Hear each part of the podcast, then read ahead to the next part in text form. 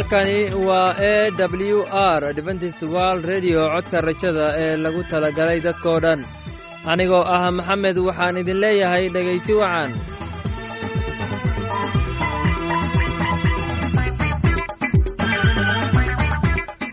Barnaamijyadeena maanta waa laba qaybood. Qaybta koowaad waxaad ku maqli doontaan barnaamijka nolosha qoyska. Uu inoo soo jeedinaya maxamed. Kadib waxaa inoo raacaya cashar inaga imanaya bugga nolosha. Uu inoo soo jeedinayo geelle labadaasi barnaamij ee xiisaha leh waxaa inoo dheer heese daabacsan oo aynu idiin soo xulnay kuwaasoo aynu filayno in aad ka heli doontaan.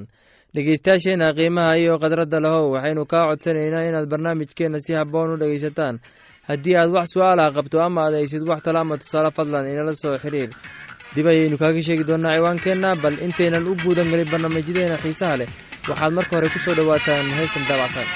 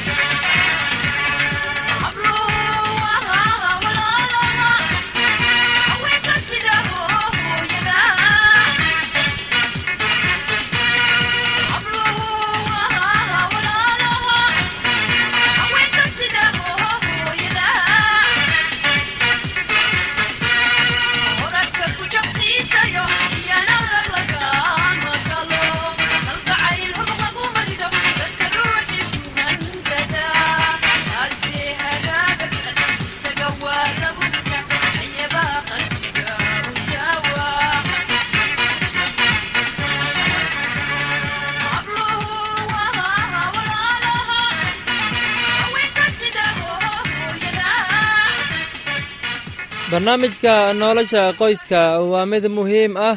Waxaan rajaynayaa inaad ka faa'iidaysan doontaan barnaamijkaasi. Barnaamijka wuxuu ka hadli doonaa keydinta cunnada waxaana inoo soo jeedinaya maxamed ee dhegeysi wacan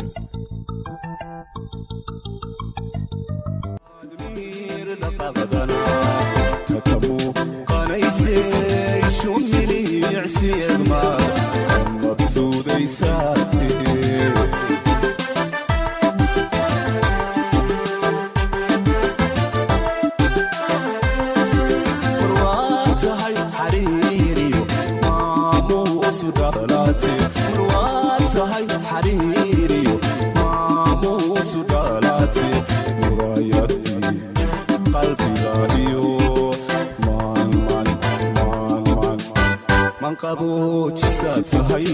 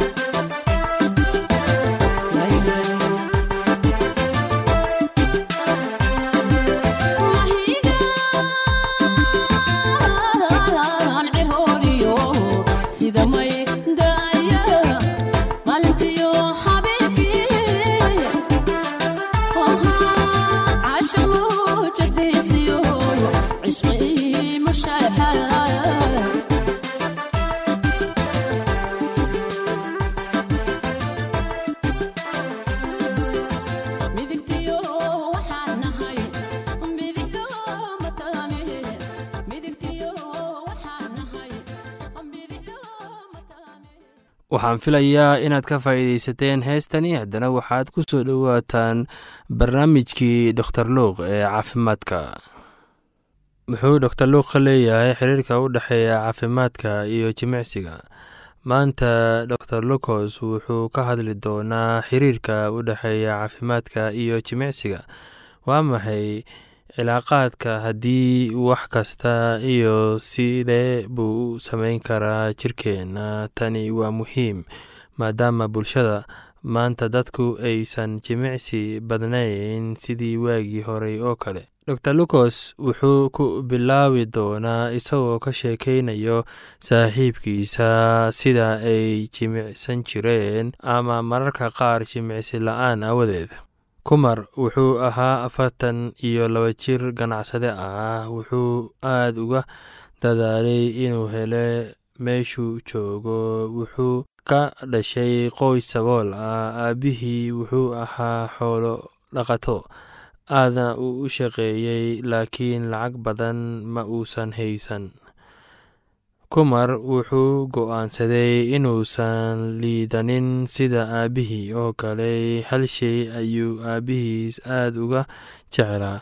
Aabbihii shaqadiisa adag aad buu u fiicnaa si kastaba ha noqotee kumar hooyadiis waxay u sheegtay inay mar weliba ka walwalayso. Ninku aad ayuu u shaqeeyey. Kumar wuxuu ku faanay aabbihii sida uu fiican yahay oo uusan lahayn wax celcelinta oo duufaanta ah. Kumar si adag ayuu wax ku bartay. Jaamacadda wuxuu ka gaaray darajooyin wanaagsan waxaana wuxuu awooday inuu aado dugsiga qalin jebinta oo u helay shahaadada xayskiisa xagga ganacsiga.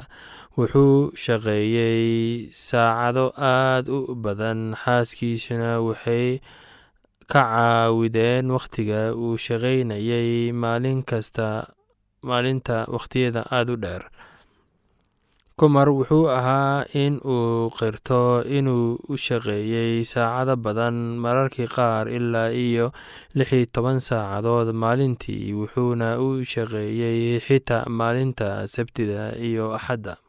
Maalin maalimaha ka mida ah ayaa kumar fuulay jaraanjarada wuxuuna dareemay neef yar oo aan caadi ahayn ugu dambeyntii wuxuu tagay isbitaalka sidii uu fiicnaa ama uu dareemay.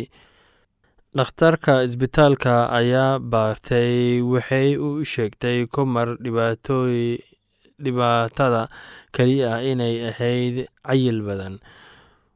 Wuxuu u baahan yahay ilaa iyo shan iyo toban ilaa iyo labaatan miisaan culus wuxuu u baahnaa inuu si deg deg ah u furfuro culayskiisa ama uu halis u galo dhibaatooyinka kale ee caafimaadka. Kumar wuxuu u sheegay dhakhtarka inuusan ahayn culays saa'id ah islamarkaana uu si fudud u xakameyn karo cunnadiisa iyo culayska dabacsan.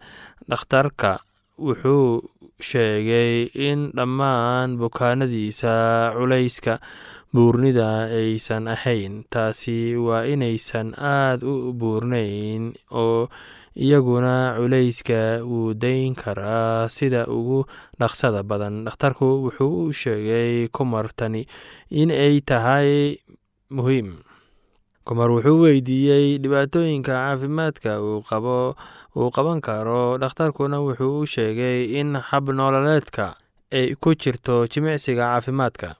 Dhakhtarku wuxuu leeyahay sameynta jimicsiga in muddo ay tahay mid ku xiran oo leh kala duwanaansho waaweyn oo u dhexeysa kuwa jimicsi dhexdhexaad sameeyo iyo farqi yar oo u dhexeeyo jimicsiga guud.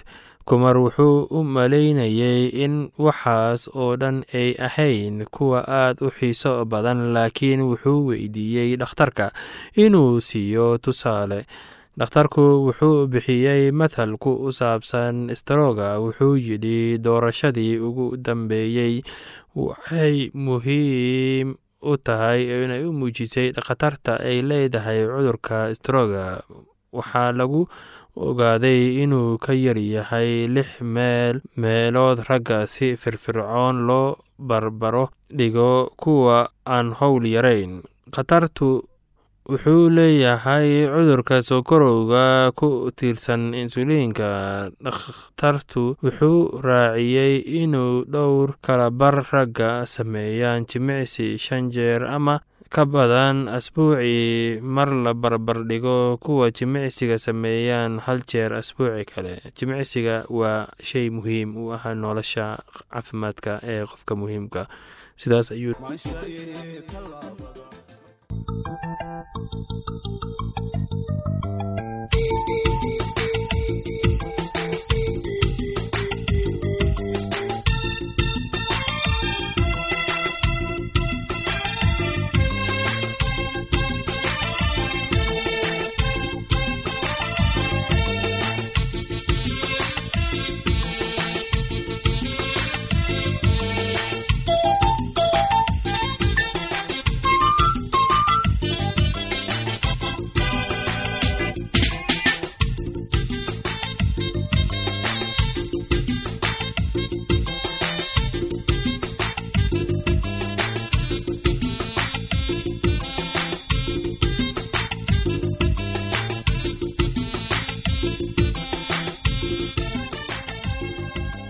waxaan filayaa inaad si habboon u dhegaysateen casharkaasi haddaba haddii aad qabto wax su'aal ah oo ku saabsan barnaamijka nolosha qoyska fadlan inala soo xiriir ciwaankeenna waa codka rajada sanduuqa boostada afar laba laba lix todoba nairobi kenya. Mar labaad ciwaankeenna waa codka rajada sanduuqa boostada afar laba laba lix todoba nairobi kenya. Waxaa kaloo inagala soo xiriiri kartaan emeilka somali e w r at yahu dt com. Mar labaad emeilka waa somali e w r at yahu dt com. Waxaad mar kale ku soo dhowaataan heestan soo socota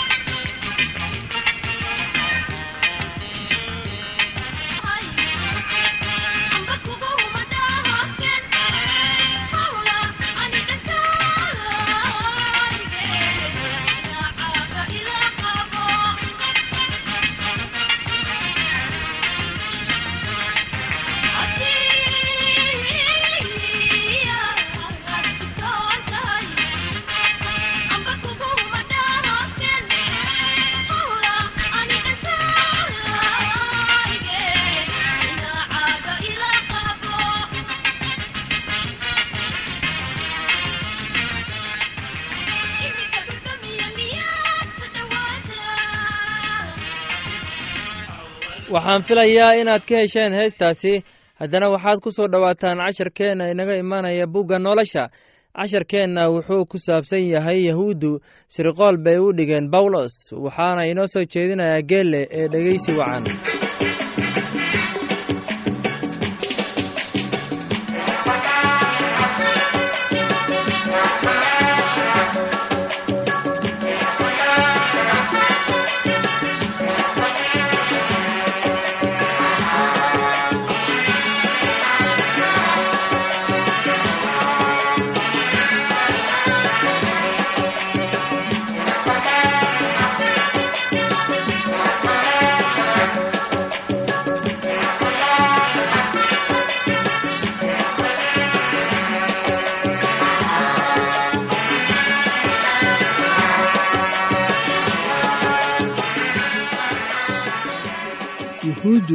shirqool bay u dhigeen bawlos dhegaystayaal buugga falimaha rasuullada cutubka saddex iyo labaatanaad aayadda labiyo toban ilaa labaatan iyo labo wuxuu qoray sida tan oo markii ay maalin noqotayna ayaa yuhuuddii urur samaysteen oo nidir wada galeen iyagoo leh waxba cuni mayno waxna cabbi mayno ilaa aan bawlos dilno mooyaane.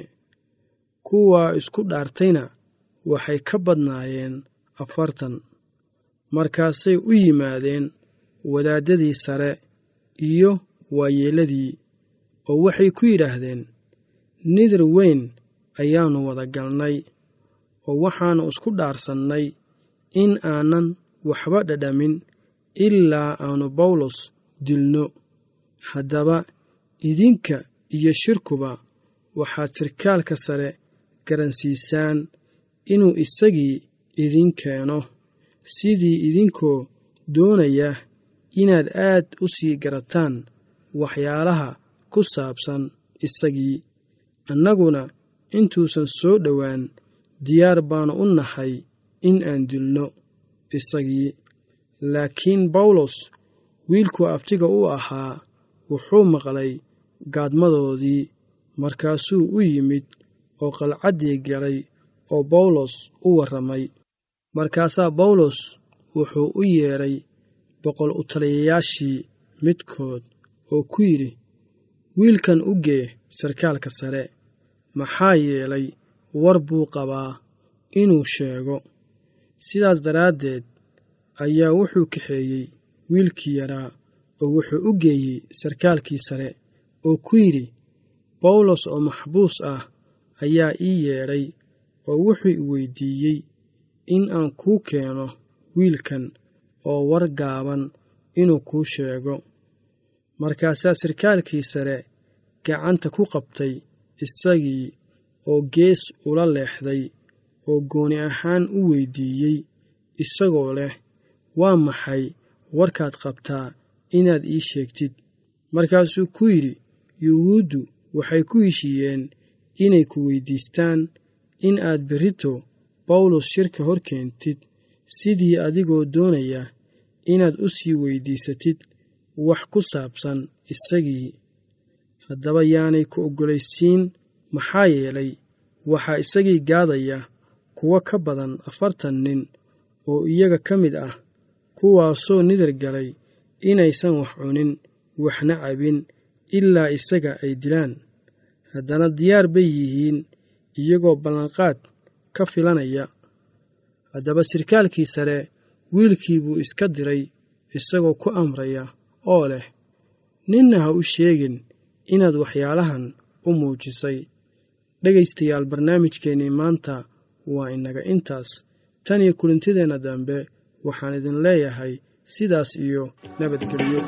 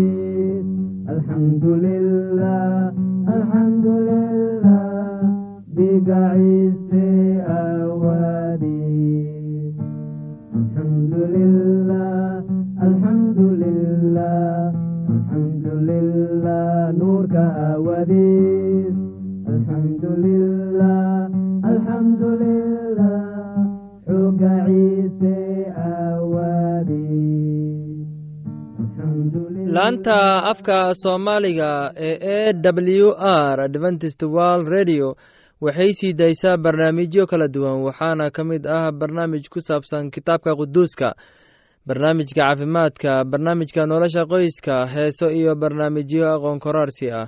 Casharkaasi inaga yimid bugga nolosha ayaynu ku soo gebgabayneynaa barnaamijyadeena maanta halka aad inagala socotiin waa laanta afka soomaaliga ee codka rajada ee lagu talagalay dadkao dhan.